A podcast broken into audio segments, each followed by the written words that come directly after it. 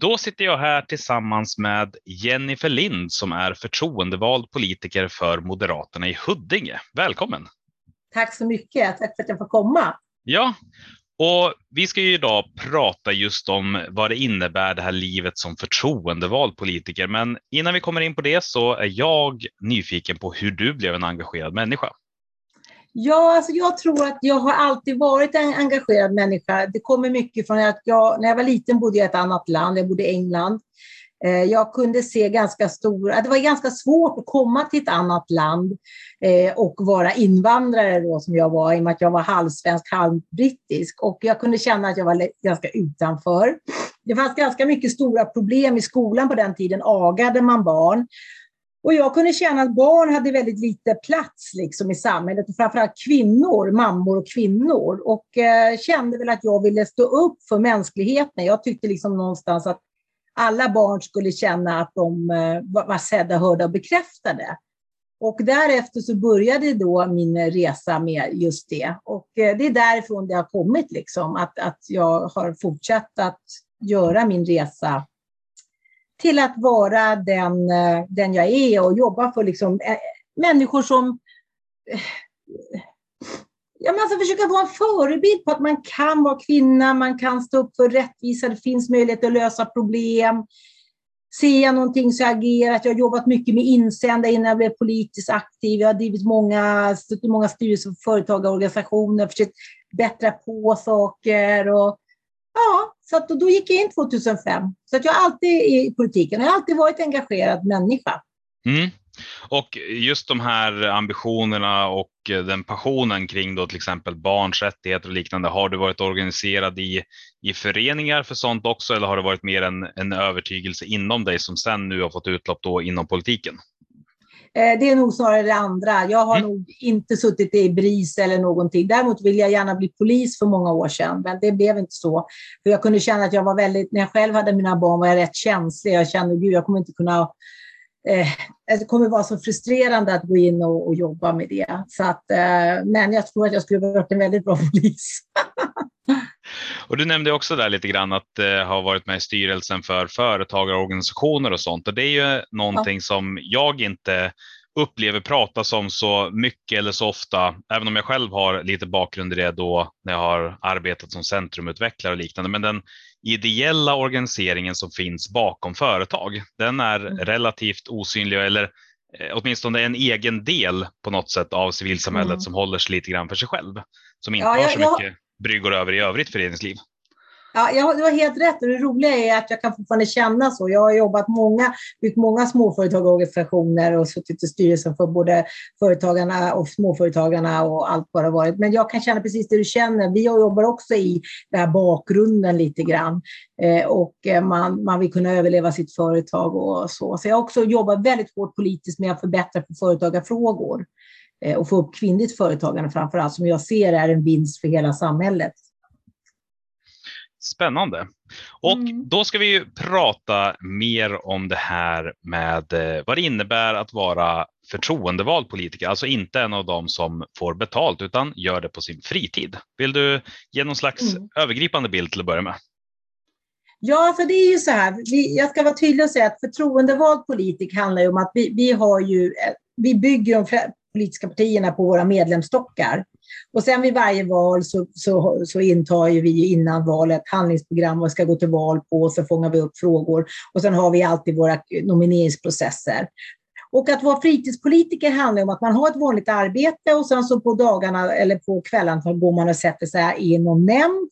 Eller så sitter man i fullmäktige då som jag har haft äran att få göra och även suttit som en vice ordförande för nämnd och har varit många år också. Däremot så är det ju så, då har man ju en väldigt liten peng så att säga till förhållande till liksom, om man tittar på om man jobbar heltid.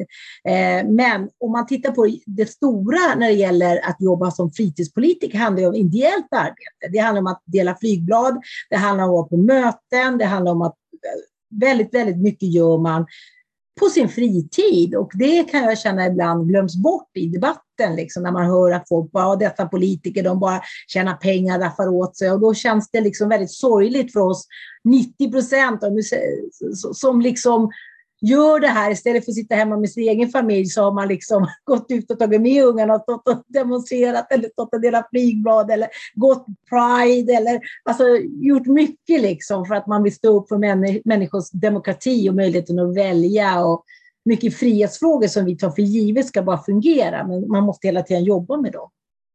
Nej, så precis. Att, för den eh, lilla ersättning som, som finns handlar, utgår ifrån mötestid, men det är en väldigt liten del av. Absolut, ja det är det ju. Men man får också, det handlar ju också om att man ja, blir väldigt kan man säga så här, man får en ganska bra allmänbildning när man kommer in i politiken. Man lär sig väldigt mycket om hur samhället fungerar och får mycket kunskap som jag tycker har varit väldigt bra. Liksom.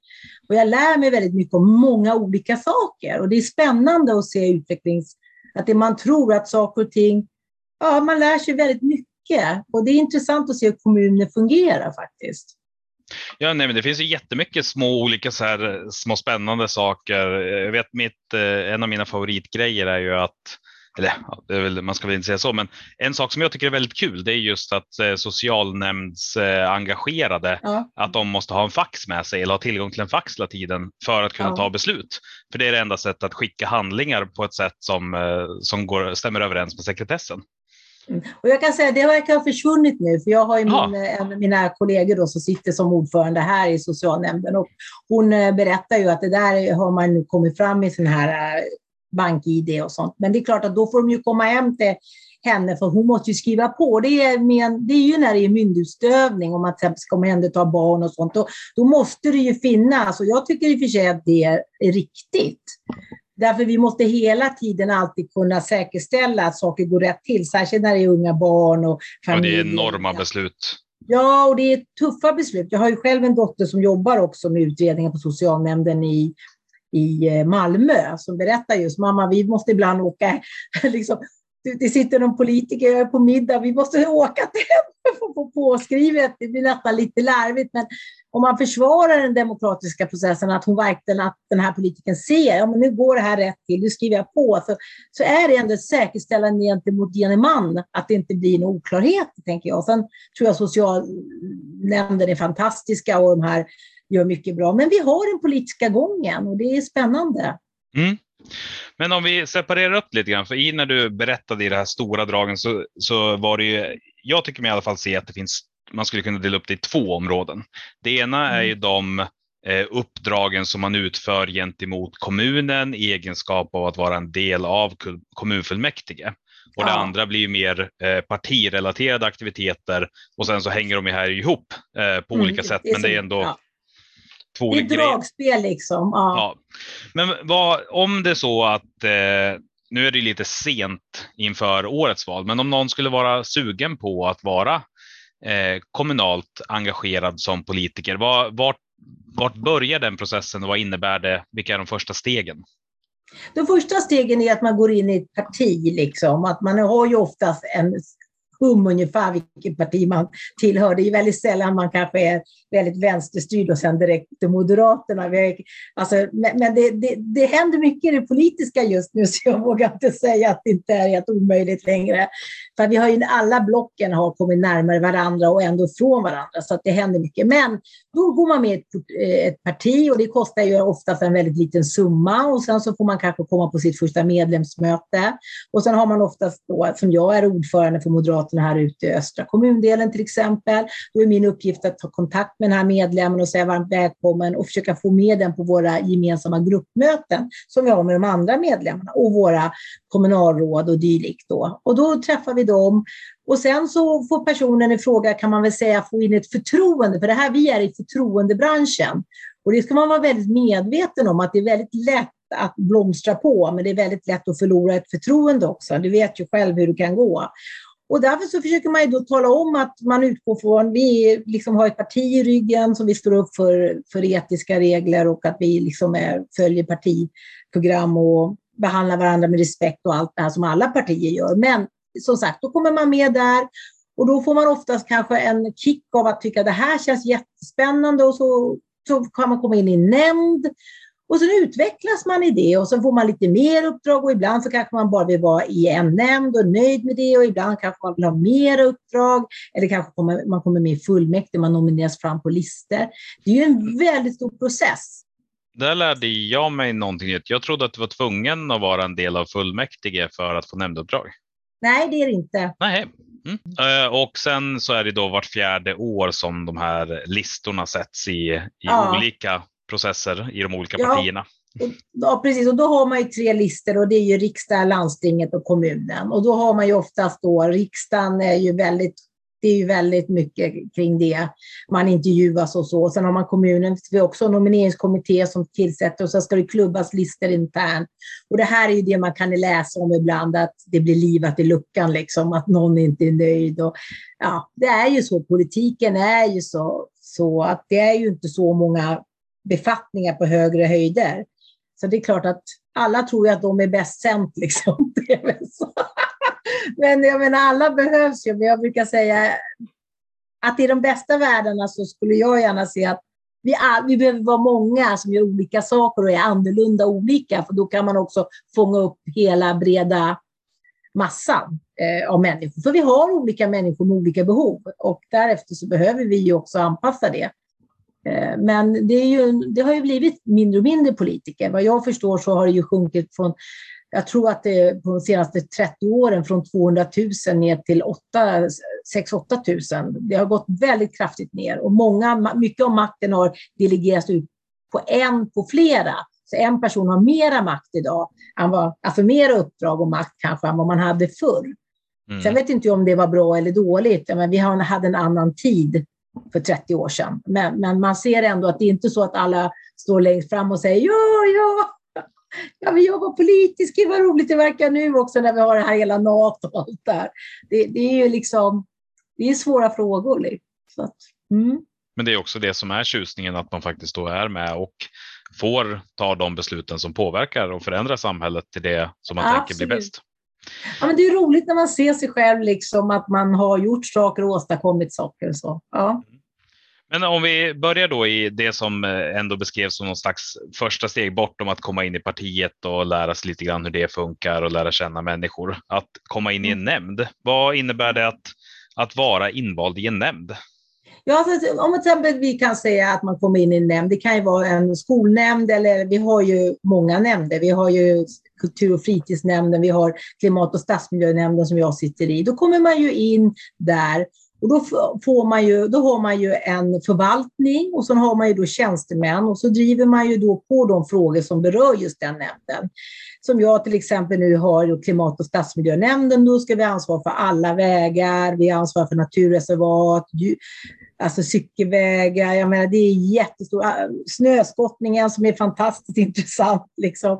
Och då gäller det att man ser till så att man hushållar med pengarna samtidigt som man måste vara öppen för nya förslag och sen helt plötsligt folk skriver in att de vill ha det och det. Det är ju förändringar hela tiden och då får man ju vara med och besluta till exempel som nu tog vi ett nytt miljöprogram till exempel som klubbades i måndags i fullmäktige. Då har ju hela nämnden fått vara med och tycka till om det här oavsett politisk färg. Eh, sen självklart så tycker oppositionen att de hade gärna velat se, då kanske skicka en protokollsanteckning, vi vill gärna, men man är ändå med liksom i själva processen. Och det gör ju så att det är väldigt roligt att fånga upp alla idéer och tankar. Så att eh, det är spännande faktiskt. Och nu bara i en nämnd så lyckades du eh, toucha på väldigt olika områden som, ja. som kräver ganska, jag tänker att det är lite andra kunskaper som behövs för att lösa logistiken kring snöröjning och mm. att eh, besluta om ska vi ha ett nytt naturreservat. Ja, det är så. Det är stora hur, frågor. Hur gör du för att liksom kunna sätta dig in i så breda områden? Krävs det att man kunna, kan allt eller? Alltså vi har ju tjänstemännen som är kompetensen egentligen. Det är de som egentligen driver på verksamheten. Eh, om man rent spontant tittar politiskt så är vårt sätt det att göra det som står i våra handlingsprogram, driva de politiska frågorna men samtidigt fånga upp att allting ekonomiskt går rätt till och att vi har en, en bra organisation, att, att nämnden liksom hushålla med pengarna på rätt sätt, men samtidigt får det inte vara felaktigt. Och det är där politiken kommer in. Många vill göra av med mycket pengar, det är lätt att ta ut skatt, medan alltså jag då ändå som moderat anser att varje skattekrona som kommer in är någon som är ute och jobbar för en företagare eller någonting. Och det är viktigare om de kan ha trevligt med familjen och köpa en pizza, även om vi brukar skoja om det där, eh, att folk anser liksom, det där är väldigt eh, olika. Men vi har en, en bunt pengar som vi ska hushålla med och så får vi ibland gå till fullmäktige och kanske säga att det här kommer, vi ser det här, det kan hända saker. Eh, vi kan få en ökad kostnad för, för snöröjning. Även om vi har en budget på 45 miljoner om året på det så kan har vi en väldigt kall vinter. Då kan vi ju spräcka det. Eh, då behöver man ju liksom, hur gör vi då? Då måste man till fullmäktige eller till kommunstyrelsen för att begära mera. Så att det är, eh, som ordförande och vice ordförande så har du ju stora ansvar. Det har du ju. Eh, men du har ju också en väldigt kompetent direktör och eh, du har ju väldigt bra tjänstemän som är liksom, de går ju in i själva navet och har ju sin kompetens. Och du är ju inte ensam där. Men samtidigt är det klart att du fattar de politiska besluten ibland. Det är ju så. Och då får du ju stå för det. Men i någon slags vågskål så är det ändå mer intressant med en politisk vilja än spetskompetens kring exakta alltså jag anser att Absolut, jag anser att den politiska viljan är viktig, för vi representerar folket. Eh, och att, att, att, precis som jag sa, att vi, vi har ett ekonomiskt ansvar att se att vi inte gör felaktiga beslut. Och eh, det är det som är i politiken, det som idag man märker mer och mer börjar granskas, liksom hur används pengar och sådär. Och eh, man har ju också under åren sett saker där det inte har gått rätt till och man får rätta till. Och då står ju någon stackars ja, politiker och bara, ja tyvärr vi såg inte det. Liksom. Och det är inte så kul. Alltså, jag har ju varit med när det står folk med facklor och demonstrerat med våra frågor utanför. Man har fått gått ut till, till människor som är jätteförbannade. Liksom. Då gäller det att man är lugn och sansad. Men ofta så det är ju inte det kanske som en fritidspolitiker som bara sitter som vanlig ledamot eller ersättare nämnd sitter. Det är ju kanske någon som har hållit på ett tag, som jag då, som har fått förtroendet att representera parti som gruppledare kan göra. Men jag har ju en lång erfarenhet. Och, så, att, så att det är inte så att man bara kastas till vargarna, utan snarare man växer i sin uppgift, skulle jag vilja säga. Och eh, om man sen blir en del av kommunfullmäktige, vad, är det samma sak fast eh, det rör helheten eller är det eh, helt väsensskilt? Uh, vad sa du mer? Eller är det helt väsensskilt? Uh, alltså jag tycker fullmäktige är vårt högsta organ. Det är klart att det är fantastiskt att man är en av de 62 stycken som får sitta och fatta beslut om antal, vad var det, 4,5-4,8 miljarder kronor om året som ska klubbas och placeras. Och eh, det är ju en ära att få, få vara det. Och, eh, samtidigt som jag kan säga att de politiska diskussionerna, det är ju mycket liksom redan klart egentligen. Fullmäktige liksom klubbar igenom, men det är inte så att det kommer något som man inte vet om på fullmäktige. Däremot så finns det ju möjlighet till debatter. Och det, jag kan väl säga så här, vi debatterar ju mera i fullmäktige än vad man kanske gör när man sitter i nämnd. Och det kan jag tycka i och för sig är ganska okej, okay, för det är ju ändå i nämnden kommer man ju debatt nej, jag tycker det här är fel, ja, jag tycker det här är rätt. Ja, vi, vi, vi leder, liksom, vi kommer få igenom det här. Det blir inte så mycket så i nämnd, men klart, i fullmäktige kan ju vad som helst hända. Där kan det ju vara partier som går emot och så, och det händer ju dagligen. Det ser vi ju. Jag tänker att en stor skillnad är väl också att eh, om det fungerar på samma sätt som i riksdagen så borde, eller nämndmötena är väl då stängda och bara utifrån nämnden medan det som sker i fullmäktige ja. också blir ett sätt att visa upp vad, alltså att, mm. att vara transparent gentemot eh, ja. medborgarna. Mm. Mm. Vi har ju haft nämndmöten som ibland är för öppna dörrar. Det är lite olika där, men det har ju blivit mer lyckta dörrar nu också tack vare för att det har varit eh, corona framför allt. Men jag tror också det där lite grann vad man pratar om och så vilken nämnd man sitter i.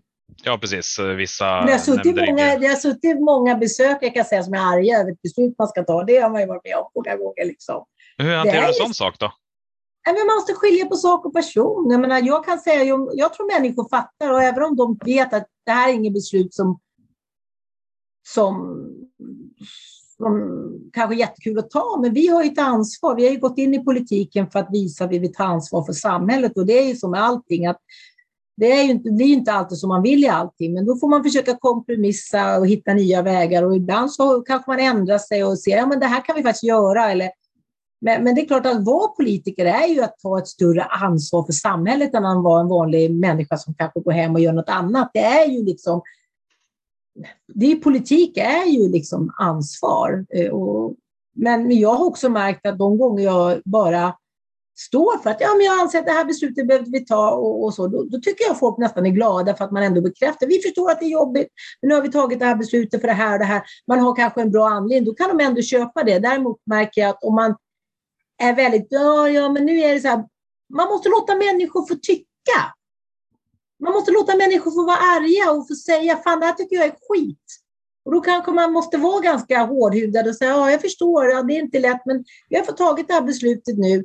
Och det, jag tror att det är där många kanske ibland, ibland tror jag bara människor får, behöver få säga sitt. Man behöver inte alltid komma med, ja men vi är så bra på det här, eller man kan väl bara få låta lyssna. Jag tror att det är ganska viktigt. Mm. Ibland tycker jag politikerna missar det på toppnivå, att de kanske ska försvara sig eller du vet, istället för bara, ja, jag förstår det. Ja, det, jag förstår att du tycker det är jobbigt och tråkigt. Liksom. Man behöver inte gå in och liksom säga, alltså, folk behöver ibland bara få säga vad de tycker och tänker. Samtidigt som eh, jag har inga siffror i huvudet, men jag vet att det har varit en, ett stort samtalsämne inom Sveriges kommuner och regioner just den ökade mängden hot och hat. Att det inte bara ja. är då att jag håller inte med dig om din åsikt och den är jag arg mm. över, utan att det också övergår i, i beteenden som inte eh, borde göra. Var, var, var är gränsen och skillnaden där, tänker du? Jag har ju blivit utsatt för ganska stora hot under min tid som politiker. Jag är ju en väldigt glad, frisk fläkt och det är, man har blivit uppraggad, tänkte jag säga. Fått både det ena och andra skickat till sig. Både ris och ros, om säger så här. Man är en offentlig person, man får inte ha hemligt telefonnummer. Man, eh, det är baksidan av politiken, men samtidigt så är det så här, jag brukar säga det, att jag tror att man vet aldrig från dag till dag ändå vad man har omkring Om man nu ska vara orolig, även om jag är politiker och någon retar sig på min frisyr eller någon...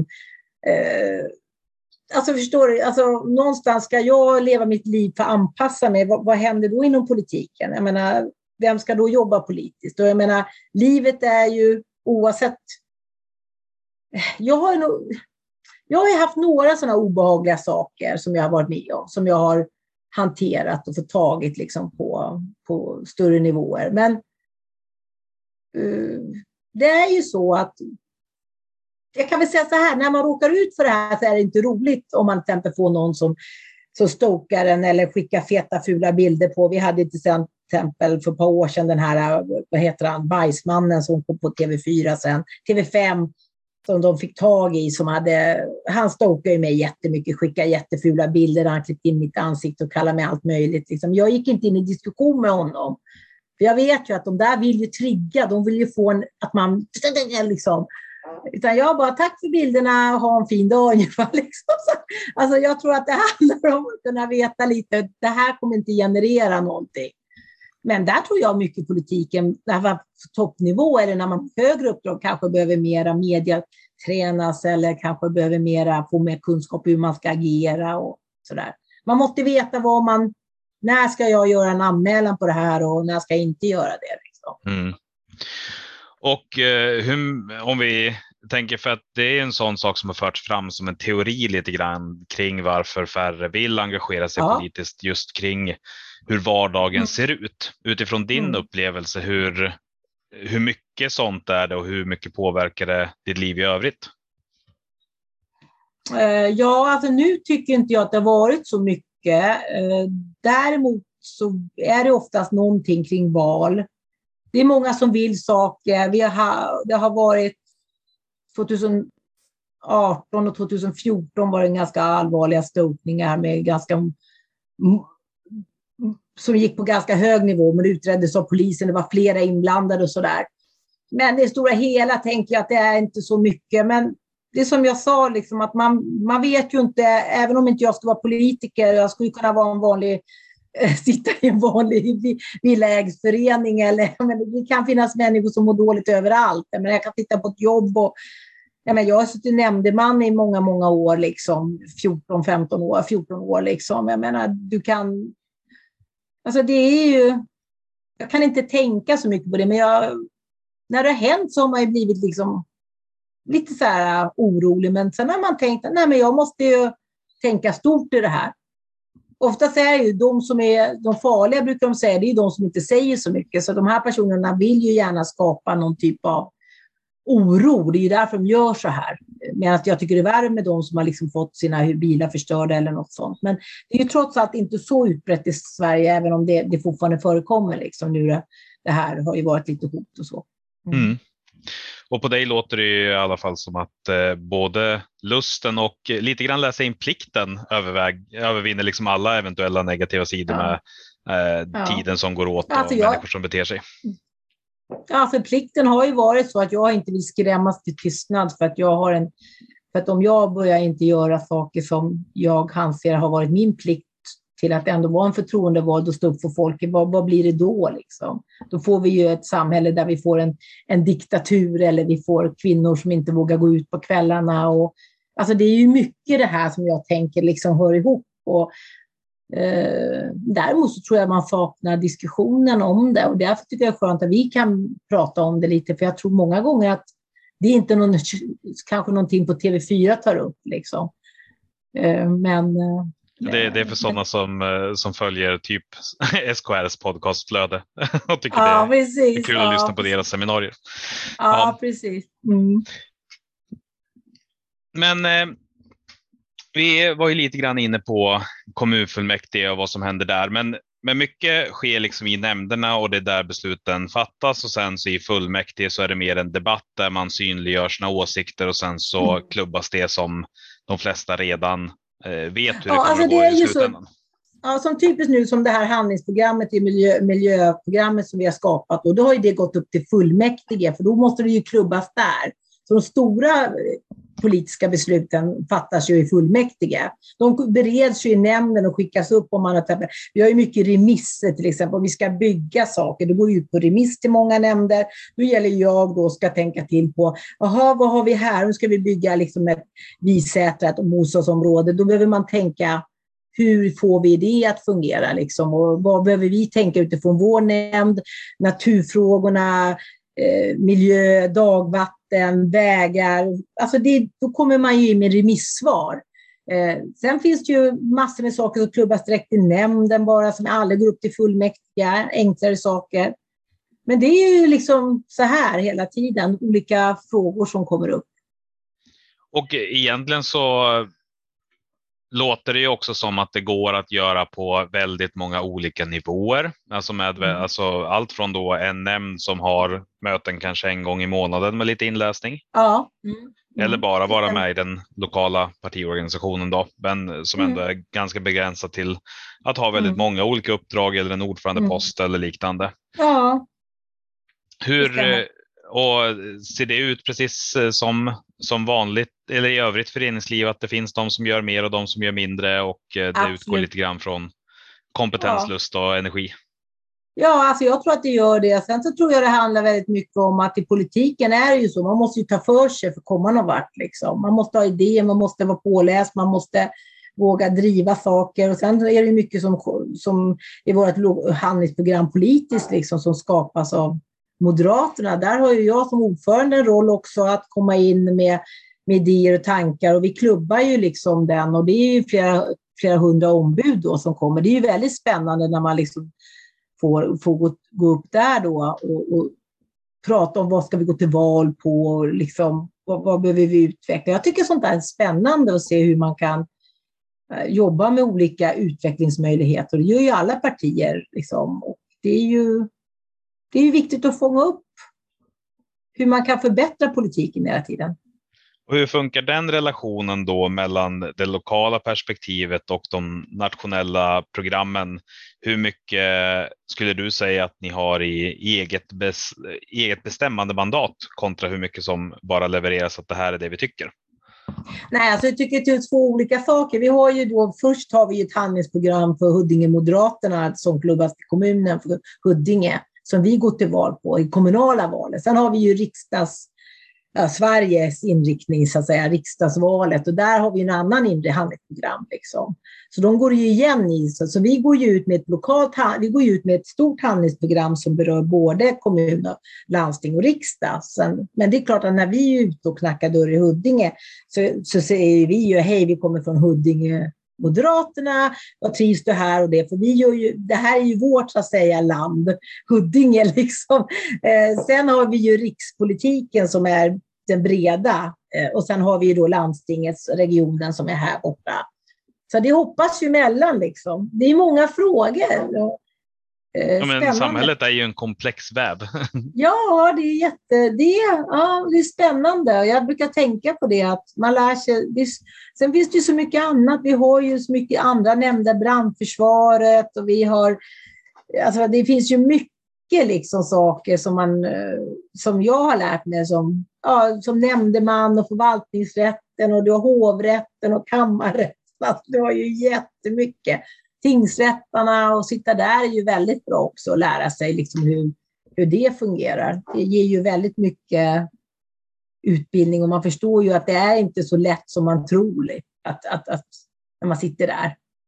Nej, och när vi pratade lite grann inför det här så var ju en sak som vi konstaterade lite grann att det, eh, att det inte finns så, mycket, så många sätt att riktigt få en inblick i kanske hur livet som fritidspolitiker är annat än att lägga mm. ganska mycket energi och tid på inläsning eller prata med människor just eftersom att det är ett ganska komplext system. Uh, och du mm. nämnde också att du hade funderat på att skriva en bok på ämnet för att få in det lite grann.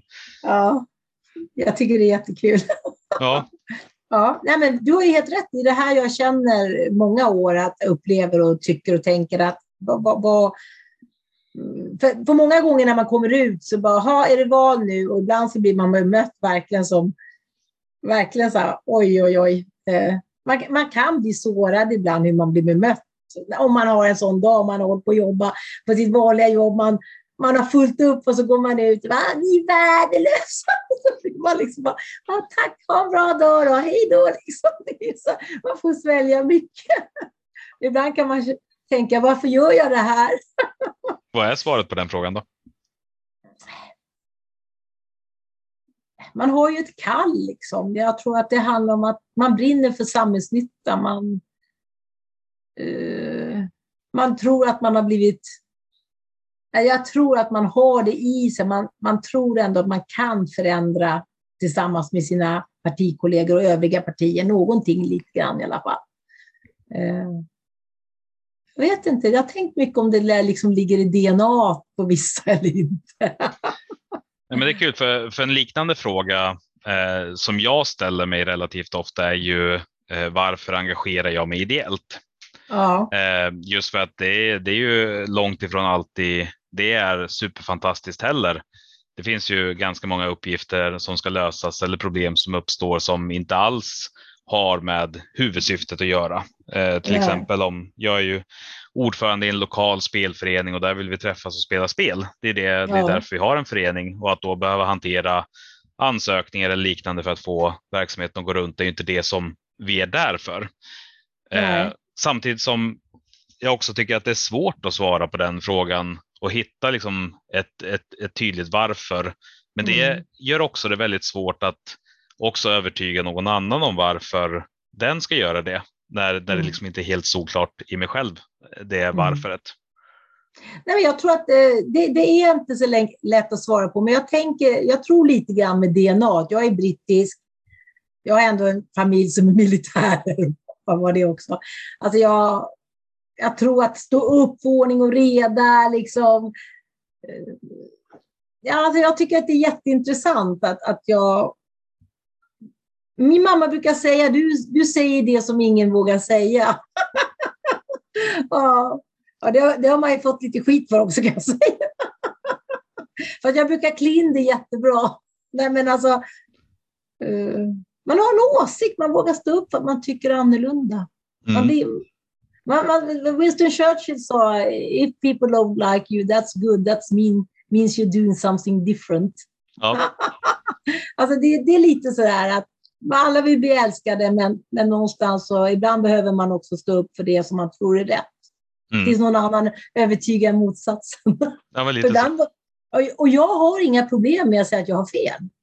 Jag har upptäckt många gånger att jag har haft idéer och tankar och sen och någon kommer, ja men tänk det här, då jag, men det var intressant, så har inte jag sett något. Så kan jag faktiskt, ja, inte i stora politiska frågor, typ som att höja skatter och sånt kanske, men, men i alla fall att jag kan, jag är utvecklingsbar. Mm. Och så länge jag är det och jag är människa, jag har rätt att göra fel och lära mig av mina misstag, förutsatt att de inte är för stora. Då. Men det jag vill komma till är att jag tror ibland att vi tar oss själva alldeles för stora all, an, ansvar och allvar, att man ska vara så perfekt hela tiden och bla bla, och man sitter och kväver sig själv istället för att ja, ibland behöver man bara få vara där man är. Mm. är men, men när du träffar människor och då, jag har i alla fall fått uppfattningen av att du relativt ofta frågar om de vill engagera sig politiskt eller mm. att de borde göra det. Och mm. kanske inte bara till ditt eget parti. Nej. Vad är, är det du... Vill... Vad sa du? Ja, det är många som vill vara i olika partier såklart. Mm. mm. Men vad är det du, vad är din, liksom, det känns som att du har en pitch liggande någonstans i bakfickan eh, som är kort och en annan som är lite längre. Du menar det här varför man ska engagera sig politiskt? Ja.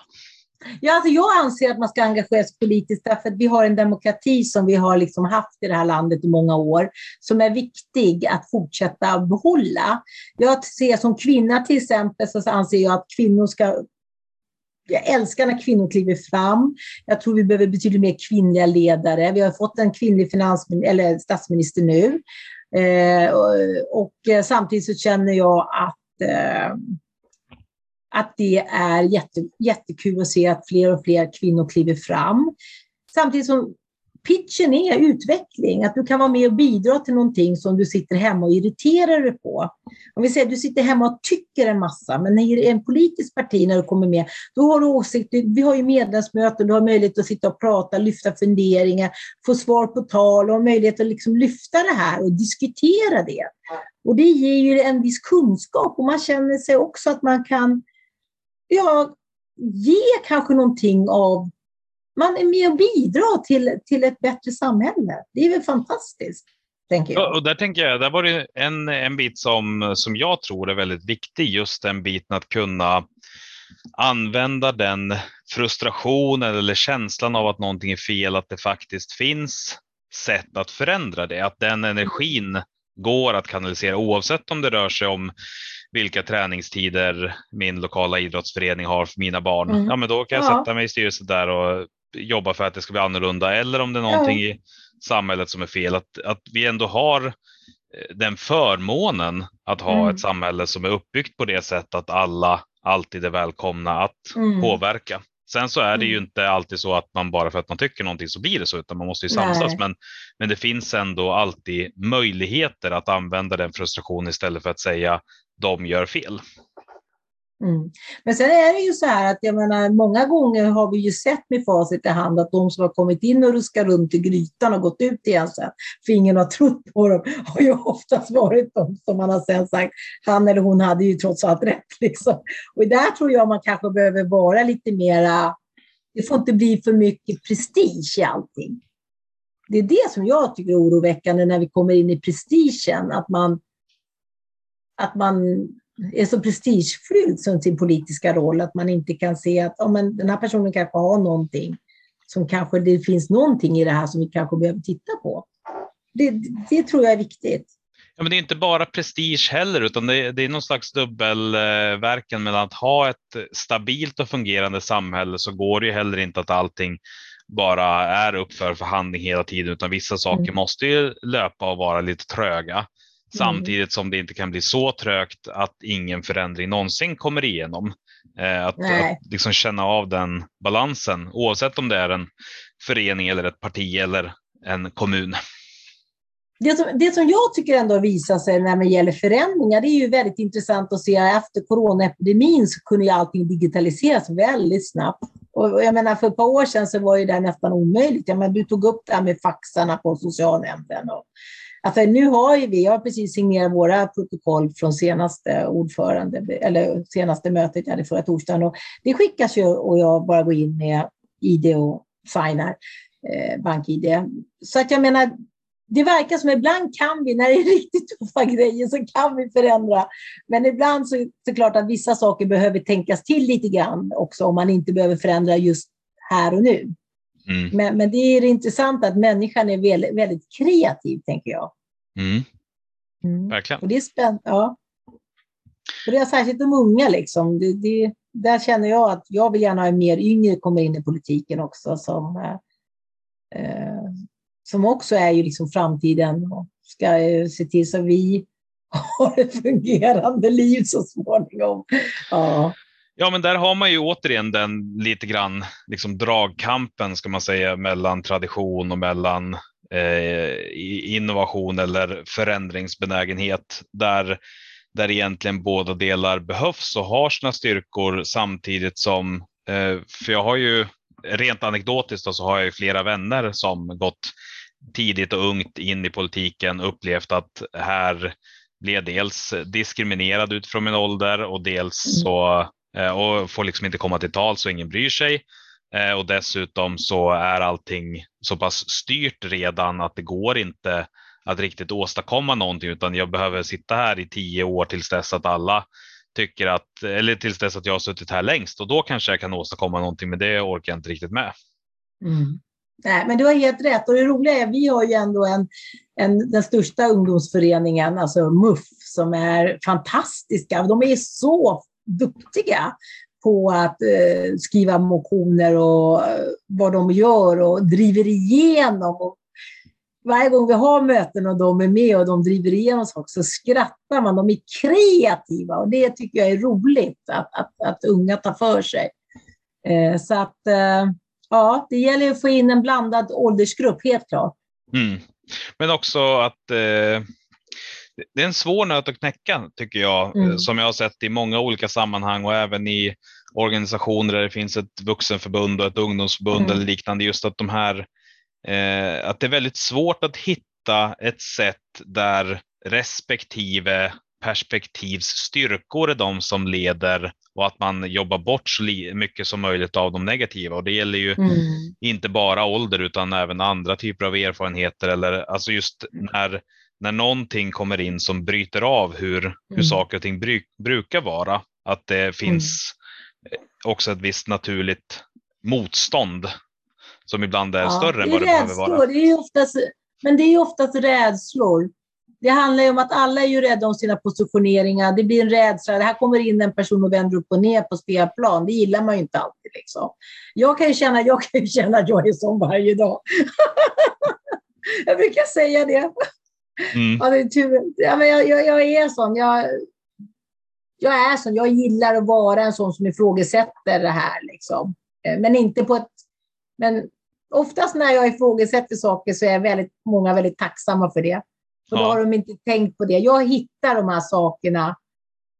Vad, vad innebär det här? Eller vad är det där? Eller, jag hörde det här. Och, jag, jag, vet inte, det verkar som att man har en sån här radar. Råkar alltid ut för någonting. När det händer en olycka så är jag alltid där och någon anledning. ja, det är spännande. Ja. Mm. Finns det någonting kring livet som fritidspolitiker som vi inte har berört som du tycker att men det här är jätteviktigt också att belysa för den som inte är inne i den världen?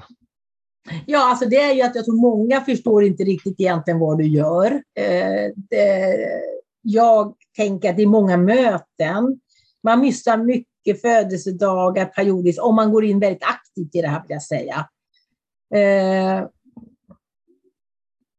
det är liksom... Man blir ju en person. Alla vet att man är politiker eh, som bor på gatan. De knackar på dörren när det är problem. Alltså, men eh, jag tycker också samtidigt att det är en tjusning i det också. Så att eh, det, det är liksom... Jag tror de flesta känner likadant, att, att de gör det här för att de vill skapa ett bättre samhälle, men att man kanske inte alltid får höra det. Gud vad, jag, jag har liksom aldrig hört någon som har sagt, gud vad det är bra att du gör det här för oss. Alltså, lite nu när man är på riksdagslistan, det tycker ju folk är lite märkvärdigare om man säger så. Det kanske när man säger man sitter på kommunslistor högt. Eh, då kan man ändå säga att man ändå kan beredda att säga att jag är på plats 30 på riksdagslistan från 30 platser från Uffe på Stockholms län. Det är ju inte, det är ändå ganska bra. Det är ändå många som vill vara riksdagsledamöter, så att man är ändå på riksdagslistan som går ut i valet och sådär. Men jag tror att det finns mycket okunskap och det är därför det var så trevligt att jag, fick, att jag får vara med och prata om det här just nu. Jag hoppas att jag kan skicka med lite mera glöd till folket. Ja, och samtidigt i den här sista avgör, liksom sammanfattningen så, så var det inte så mycket som talade för varför det är fantastiskt med att bara missa födelsedagar och de bitarna. Men, men det har ju varit många andra bitar under samtalet också, just det här möjligheten att påverka, möjligheten att förstå och, och att, att vara en del av det som gör vårt samhälle så fantastiskt i, mm. på, på, stora drag. Jag menar, mm. jag det är väldigt mycket som, som under väldigt lång tid har fungerat väldigt bra i vårt land, både på mm. eh, nationell och regional och lokal nivå. Mm. Det är det verkligen. Sen är det ju förstås alltid saker som kan bli bättre, men, men med lite perspektiv så, så fungerar det ju väldigt bra överlag och mycket av det bygger ju också på alla de här människornas olika ideella insatser, oavsett om det är i föreningslivet som eldar på politiken eller om det är politiken som fattar besluten eller eh, näringslivet som driver den ekonomiska utvecklingen. Mm. Jag kan säga så här, jag tror att det är väldigt viktigt om man är fritidspolitiker också eller överhuvudtaget. Det är ju just det här med empati och ödmjukhet. Det är ju ändå så att mycket av de beslut och även det handlar ju om att ta någonting som kan, kan man har ett ansvar liksom, och man behöver vara ödmjuk i sin roll, tänker jag. Eh, det har ju varit tuffa grejer, till exempel suttit i tingsrätten och sådär. Det är ju väldigt tufft att döma folk till både fängelse och utvisning till exempel. Som nämnde tuffa. person då. Mm. Så att det är ju tuffa grejer liksom. Och samtidigt så, det är ju också en sån här sak som inte pratas så mycket om. Jag menar, det är ju ingen hemlighet att man har ju diskuterat det här, man tycker det är absurt att nämndemännen eh, sitter i, i tingsrätter och sånt där. Men jag kan inte se att vi skulle kunna hitta ett annat bättre alternativ.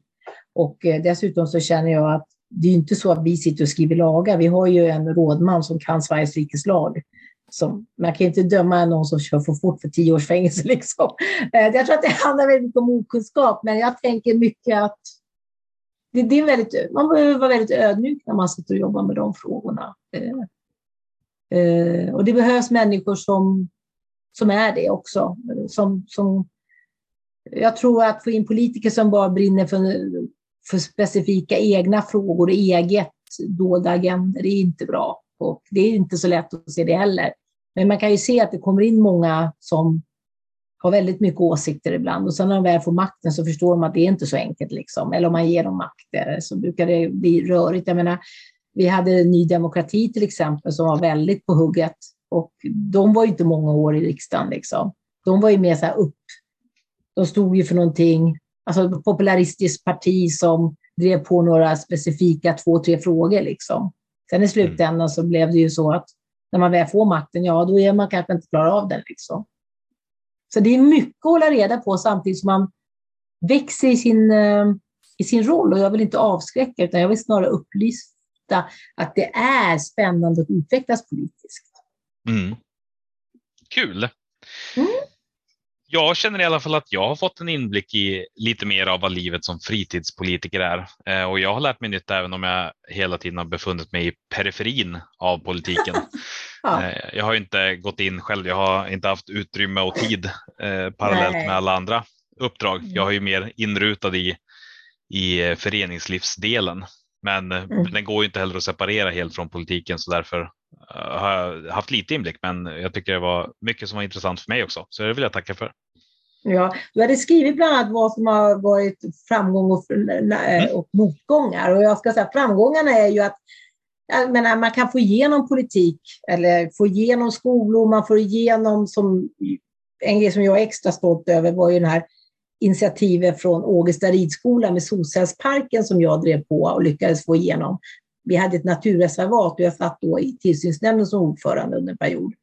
Och då fick vi egentligen inte bygga den där, eller de fick inte tillstånd att bygga den, ska jag säga. Och då lyckades vi få igenom det därför att det, det, det, gick att komma runt just den här lagen om naturreservat för att den, den låg på en depå. Och den har ju blivit väldigt framgångsrik nu. Eh, för då är jag väldigt stolt över att jag kan se möjligheter och jag har varit med om många sådana saker. Men det här är väl en sak att man ser något som kan leda till något bra. Men om jag skulle säga det som jag kan känna negativt, det är ibland att det tar väldigt lång tid. Och det var lite det du var inne och pilla på, det här med att ibland behöver det ta längre tid. Om man ska bygga ett bostadsområde till exempel, det är inte bara att slå upp det på en kafferast, utan då behöver det gå sin remissrunda. Men ibland kan man ju uppleva, liksom, om man står med folk, så säger att ja men det där har ni sagt i fem år. Alltså, ja, men det är, liksom, det är inte bara vi, det ska liksom utredas och det finns den, den politiska gången, liksom, eller demokratiska gången. Och då kan jag ibland känna att ibland så känns det väldigt frustrerande när man vet att det här kommer bli bra, att, att man vet att det, det tar tid och då, det påverkar folk. Ja men, ja, men demokratin tar ju tid och jag vet, mm. det var i höstas här så var det kommunalrådet hemma här i Hallstahammar såg ett inlägg där mm. hon var fantastiskt glad för äntligen, när jag började engagera mig politiskt för 16 år sedan så var det mer eller mindre för att det skulle finnas en cykelbana som knöt ihop två av våra tätorter. Nu ja. har de börjat gräva. ja, men det är lite sådär. Vi hade ju skolfrågorna här ute i Östra kommunen våra skolor har varit liksom, och vi har ju alltid varje gång med våra skolor, varje gång vi ska bygga en skola, så åh vad pengar, åh vad pengar. Och då kan man konstatera, vi har aldrig byggt för stor skola i Huddinge. alltså, det är alltid sådär. Vi har aldrig byggt en för stor skola, men däremot bygger man oftast kanske en för liten skola. För det växer ju hela tiden i Stockholmsområdena. Liksom. Mm. Så att det, det har man ju lärt sig under de här åren, att våga. Liksom. Men det är mycket pengar och det gäller att man använder dem ansvarsfullt. Så är det. Vad bra! Då vill jag tacka för det här samtalet. Tack själv!